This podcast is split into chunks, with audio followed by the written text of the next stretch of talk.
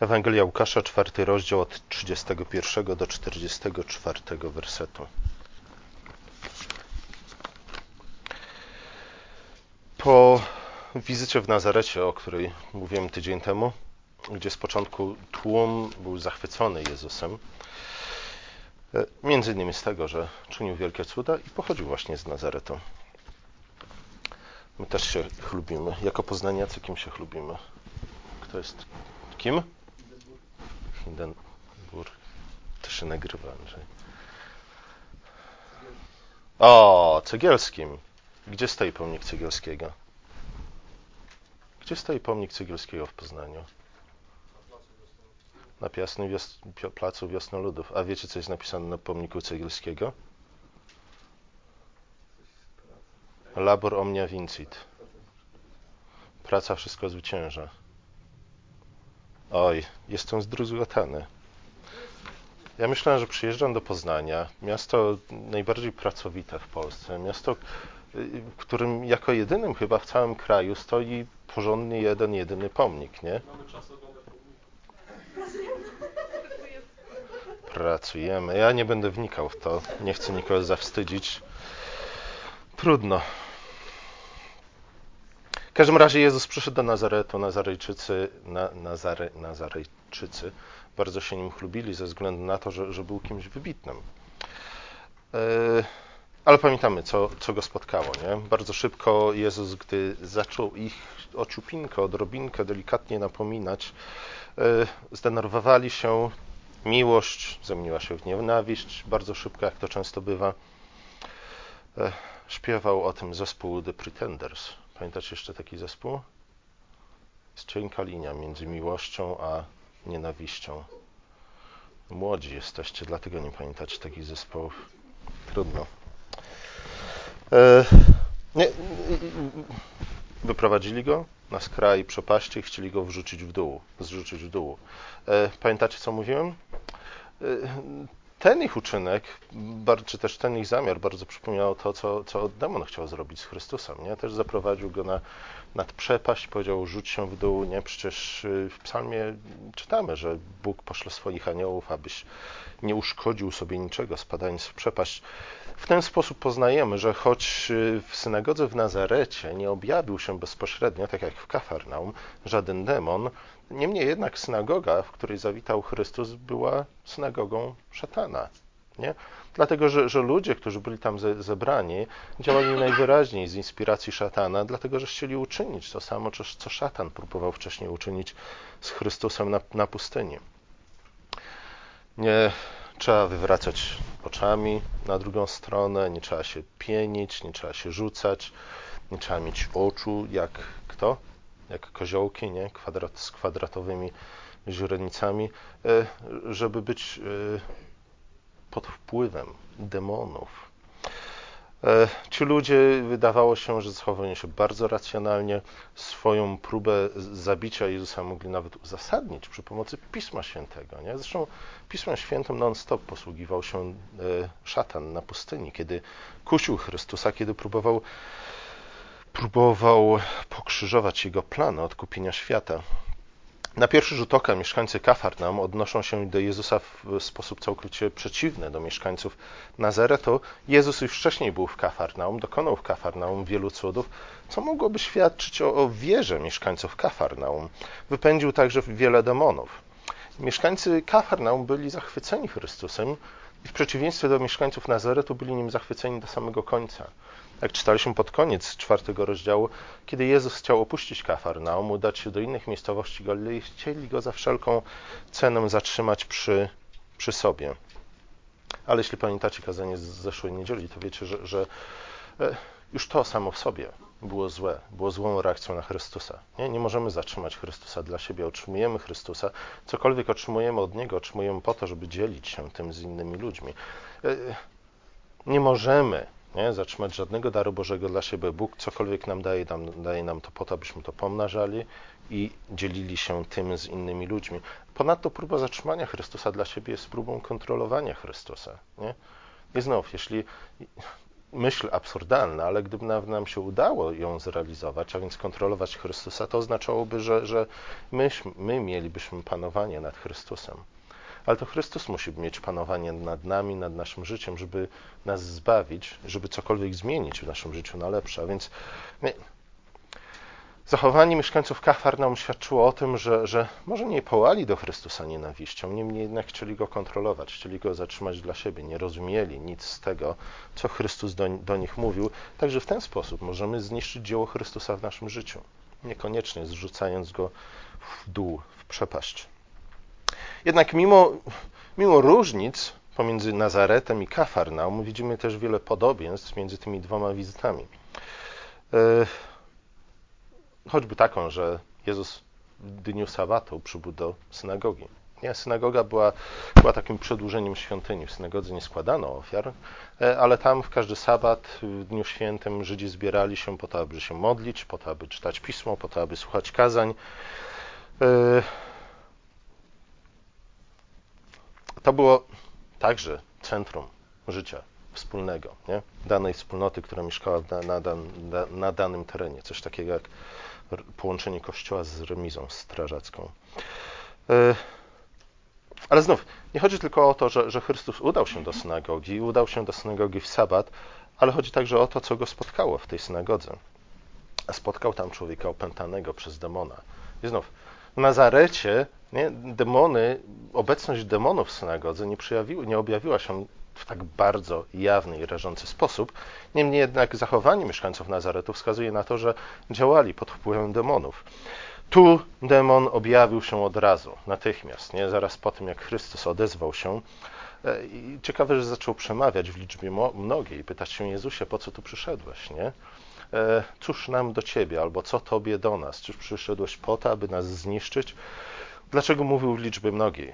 Nie, raz w Ewangeliach czytamy o tym, iż, iż w pewnego człowieka wszedł cały legion demonów. Tutaj, tutaj jest mowa o jednym demonie. Dlaczego mówi w liczbie mnogiej? Wydaje mi się, że mówi w liczbie mnogiej, dlatego że reprezentuje całą synagogę. Nie? Mówi, przyszedłeś do nas, do naszej synagogi po to, żeby ją zniszczyć. To, to już kolejne spotkanie Jezusa z demonami w tej Ewangelii. Nie wiem, czy kiedyś policzyliście, jak, jak wiele razy Chrystus konfrontował demony w Ewangelii Łukasza. Zgadnijcie, życzę jakąś liczbę. No przynajmniej dwa, nie, przynajmniej trzy razy już mamy, nie? Do tej pory. Zobaczcie, jesteśmy dopiero w czwartym rozdziale, a już mieliśmy co najmniej trzy, albo więcej nawet, albo cztery konfrontacje Jezusa z demonami. Ile jeszcze? No jeśli cztery, w czterech rozdziałach mamy cztery, to w dwudziestu ile rozdziałów ma Ewangelia Łukasza? Kto pamięta?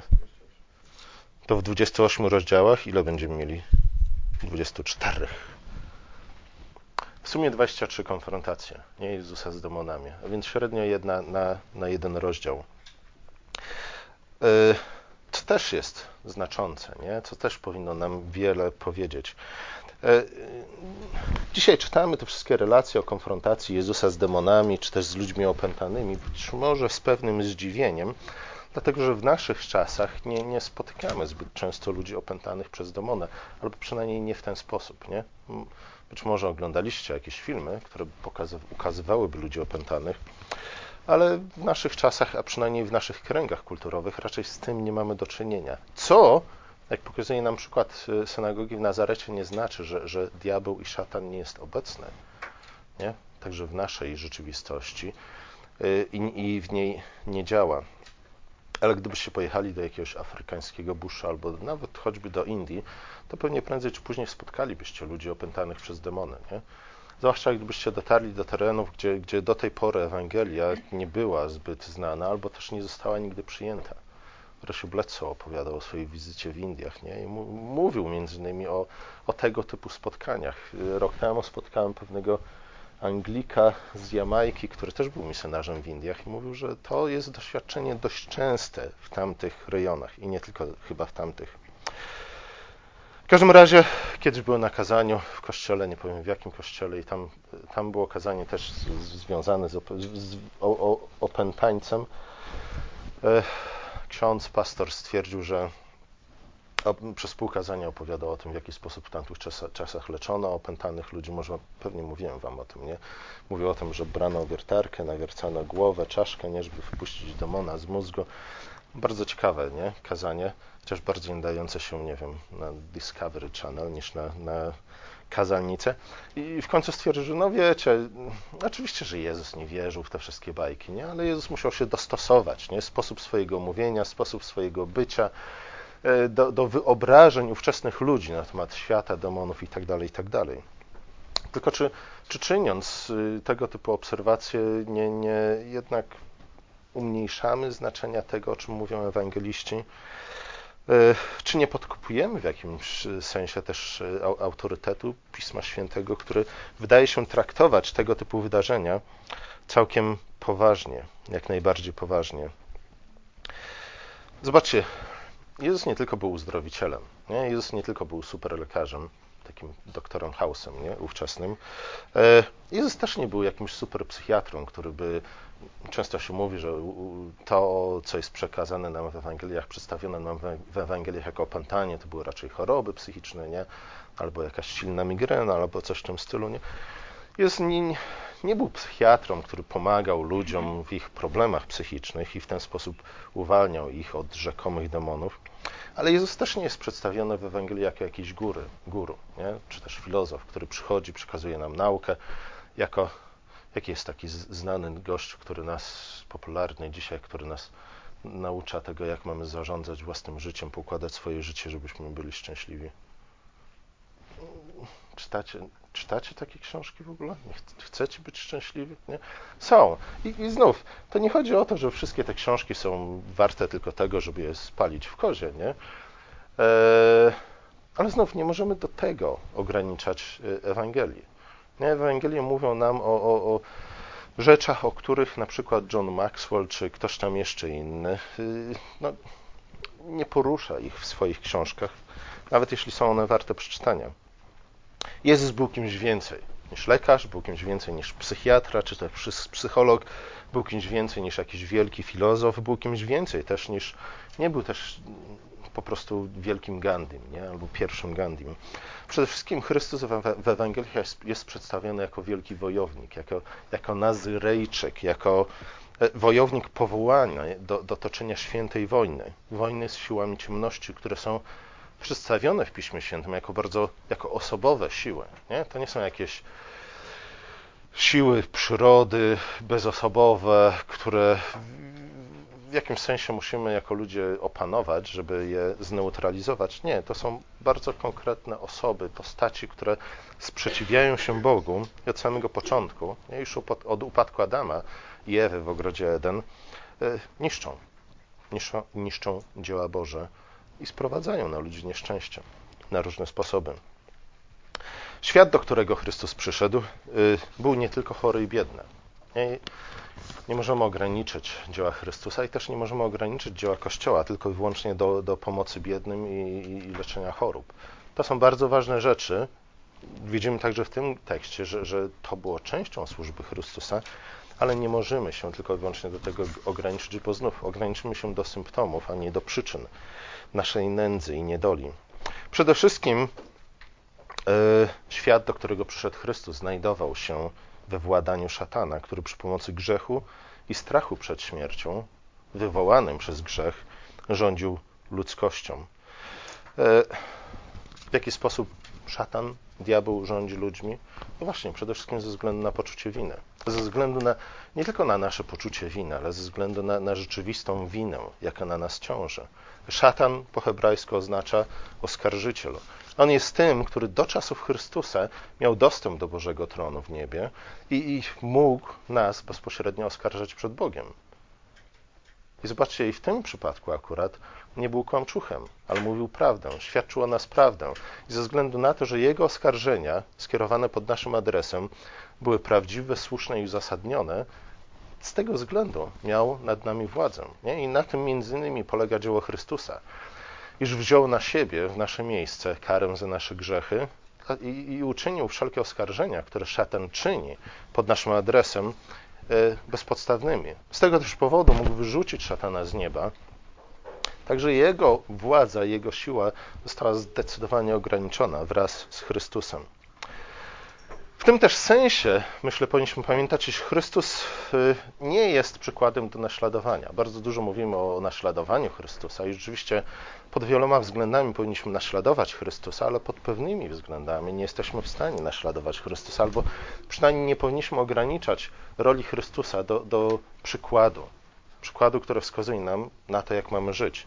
Chrystus jest w Ewangeliach przedstawiony przede wszystkim jako bohater, moglibyśmy powiedzieć mityczny bohater, przy czym mit, o którym mówimy, jest oczywiście prawdziwy. Nie?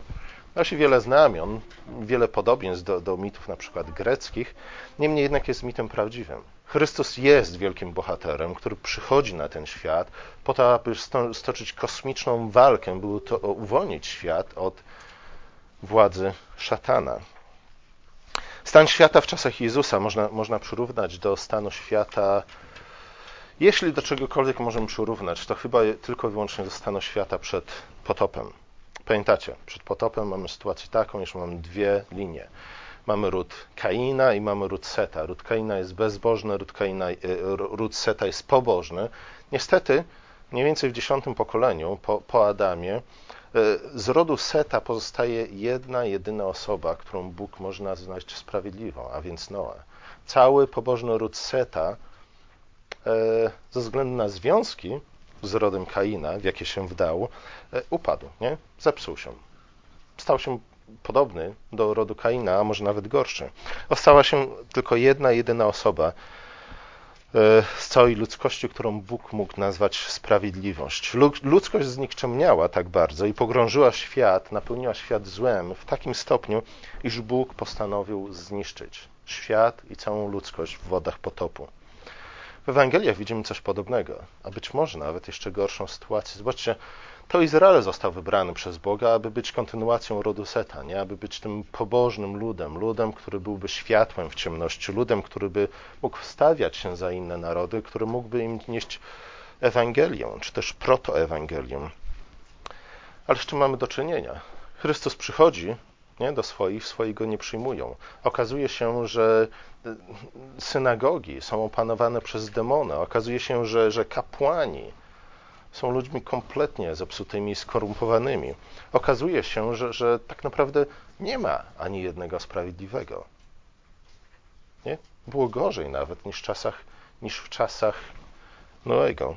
Jezus jest jedynym sprawiedliwym tak naprawdę w tym czasie na świecie. Izrael tak bardzo odstąpił od Boga, że znów stał się siedliskiem e, demonów. Nie tylko synagogi były siedliskiem demonów, ale także świątynia została zamieniona z domu Boga w dom i w jaskinię zbójców. Można by więc powiedzieć, że Chrystus przyszedł na świat w ostatniej chwili. Nie? Chwila zwłoki, dzień zwłoki, może nawet byśmy powiedzieli milisekunda zwłoki, nie? i świat zostałby zniszczony przez Boga. E, być może nie przez wody potopu, Bóg obiecał, że nigdy tego nie, nie uczyni, drugi raz, ale, ale w taki lub w inny sposób zginąłby pod ciężarem grzechu. Myślę, że właśnie z tego powodu apostoł Paweł w liście do Rzymian stwierdził, iż Chrystus umarł za bezbożnych we właściwym czasie. Nie? Tak to znajdujemy w naszych tłumaczeniach. Greckie, greckie wyrażenie trudne jest, jest yy, dokładnie przetłumaczyć, nie? ale można je też przetłumaczyć jako, że Chrystus umarł za bezbożnych w ostatniej chwili. Nie? Chwila później i byłoby po nas nie? ze względu na, na, na to, że sytuacja świata w czasach Chrystusa była gorsza od sytuacji świata w czasach Noego. Chesterton powiedział kiedyś, to brzmi dla nas trochę baśniowo, nie? Zwykle w ten sposób nie, nie, nie myślimy o świecie.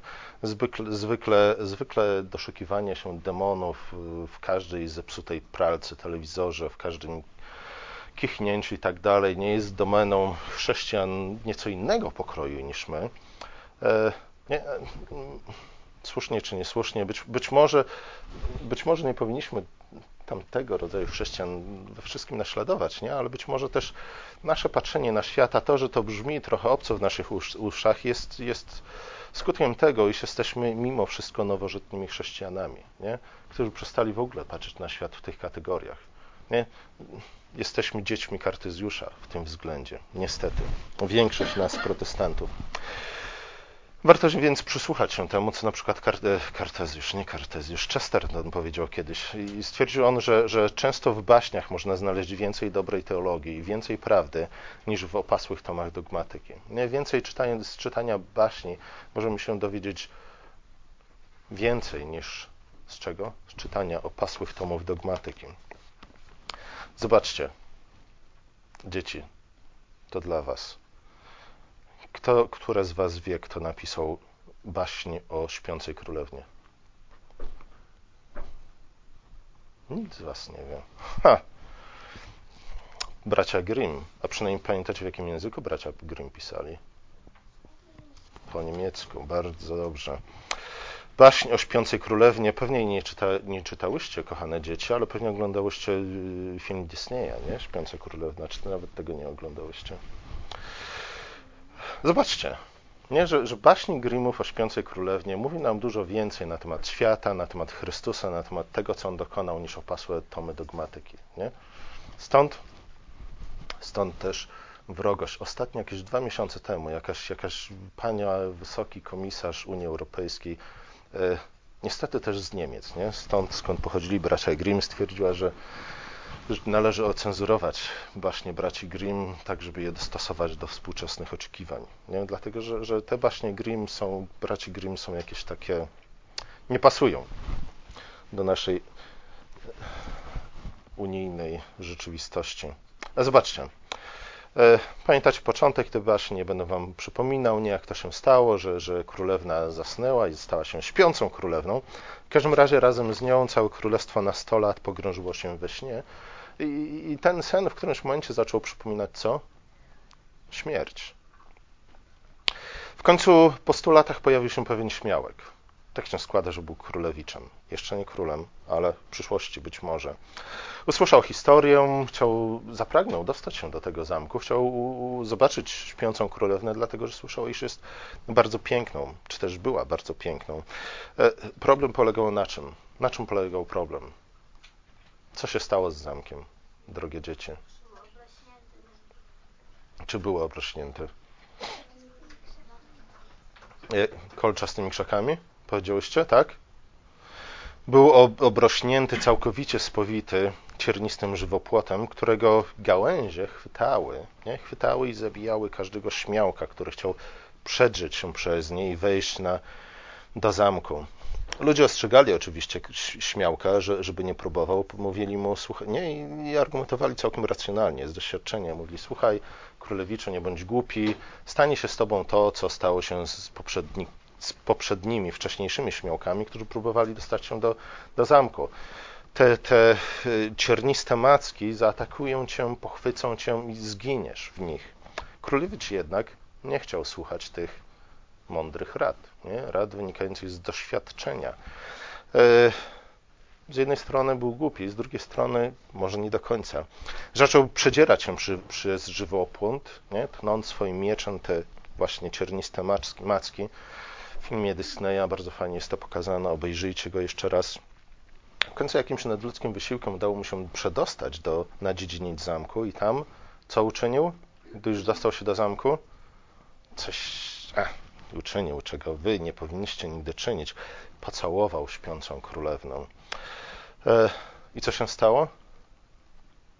Królewna się obudziła, a wraz z nią całe królestwo. Zniknęły cierniste macki, cierniste krzewy.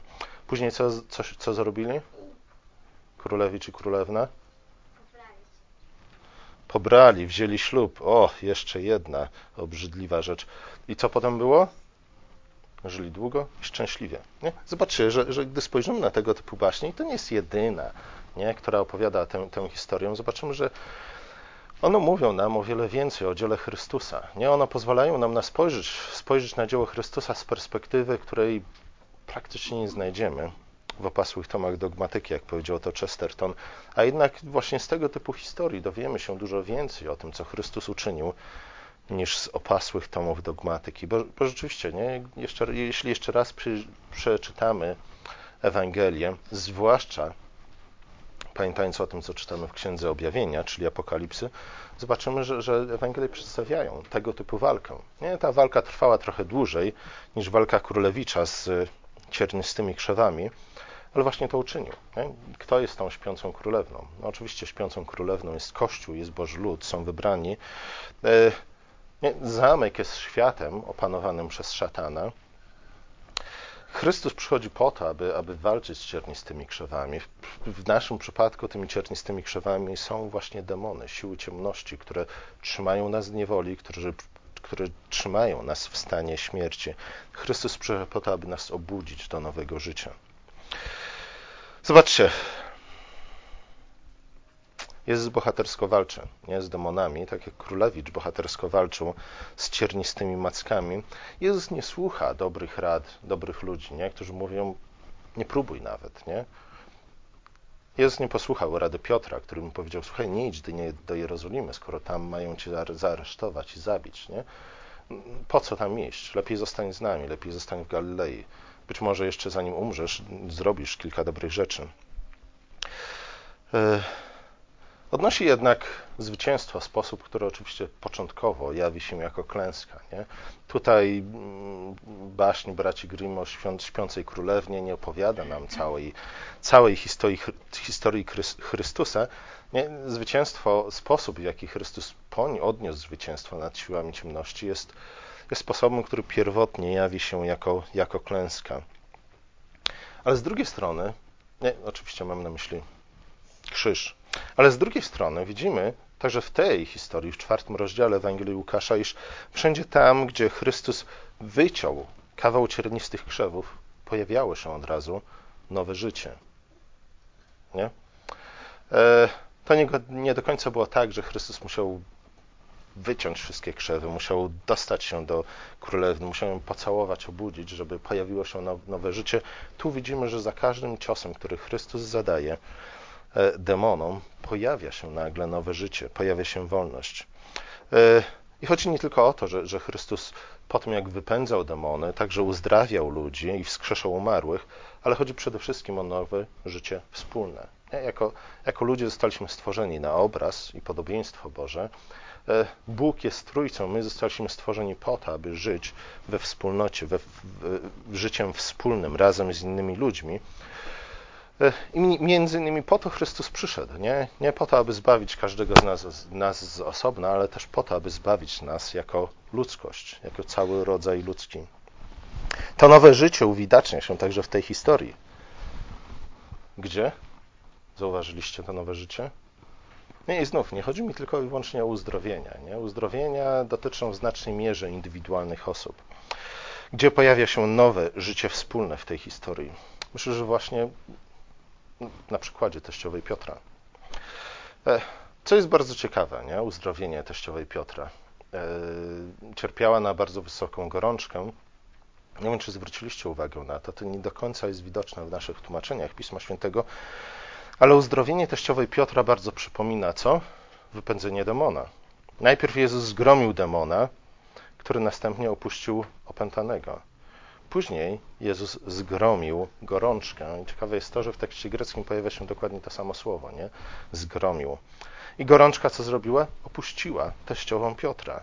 Nie? Uzdrowienie teściowej Piotra jest przedstawione jako coś bardzo podobnego, paralelnego do wypędzenia, wypędzenia demów. No, widzimy jednak też pewien nowy element. Człowiek, który został uwolniony od demona, został po prostu uwolniony i sobie poszedł. Nie? I nie wiemy za bardzo, co z nim się stało, ale znając resztę Ewangelii, możemy się domyślać, iż e, ponieważ został tylko i wyłącznie uwolniony od demonów, spotkały go bardzo złe rzeczy, nie? siedmiokroć gorsze rzeczy niż, niż wcześniej.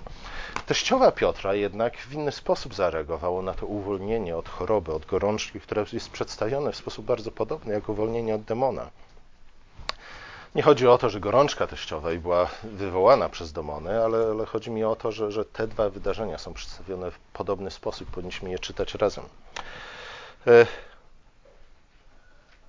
o teściowej Piotra czytamy, że natychmiast wstała i co zrobiła? I usługiwała im. Dom, w którym mieszkała, stał się domem uzdrowienia. do którego ludzie znosili chorych i opętanych, a Jezus uwalniał ich od chorób i od demonów. W pewnym sensie dom teściowy, czy też dom, w którym mieszkała teściowa Piotra, który pewnie był domem Piotra samego, stał się nową synagogą, stał się nową świątynią. Nie?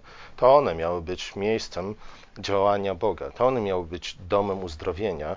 Niestety, ze względu na to, że zostało opanowane przez demony, nie mogły pełnić dalej tej funkcji. Dom Piotra, ze względu na reakcję teściowej Piotra na uzdrowienie, stał się nowym domem uzdrowienia. Stał się domem, do którego, zobaczcie, nie? Wszyscy, wszyscy okoliczni mieszkańcy przychodzili po to, żeby otrzymać zbawienie od Chrystusa. Reakcją teściowej Piotra na uzdrowienie była, była właśnie służba. I to nie tylko służba wobec Chrystusa. Nie, to było zrozumiałe. Iż, nie wiem, Jezus ją uzdrowił, a ona co zrobiła? Upiekła mu haczapuri. Nie? E, I fajnie. Nie? Zwykły, normalny ludzki gest wdzięczności.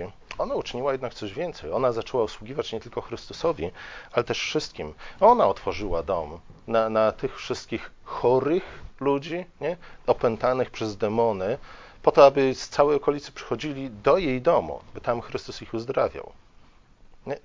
I znów myślimy sobie, a nie, pewnie ta teściowa Piotra to była tak jak jakaś, nie wiem, święta Elżbieta albo jakaś inna święta postać, znów bardziej mityczna niż, niż realna, nie? E, ci ludzie prawdopodobnie byli jacyś inni od nas, nie? I robili takie dziwne rzeczy.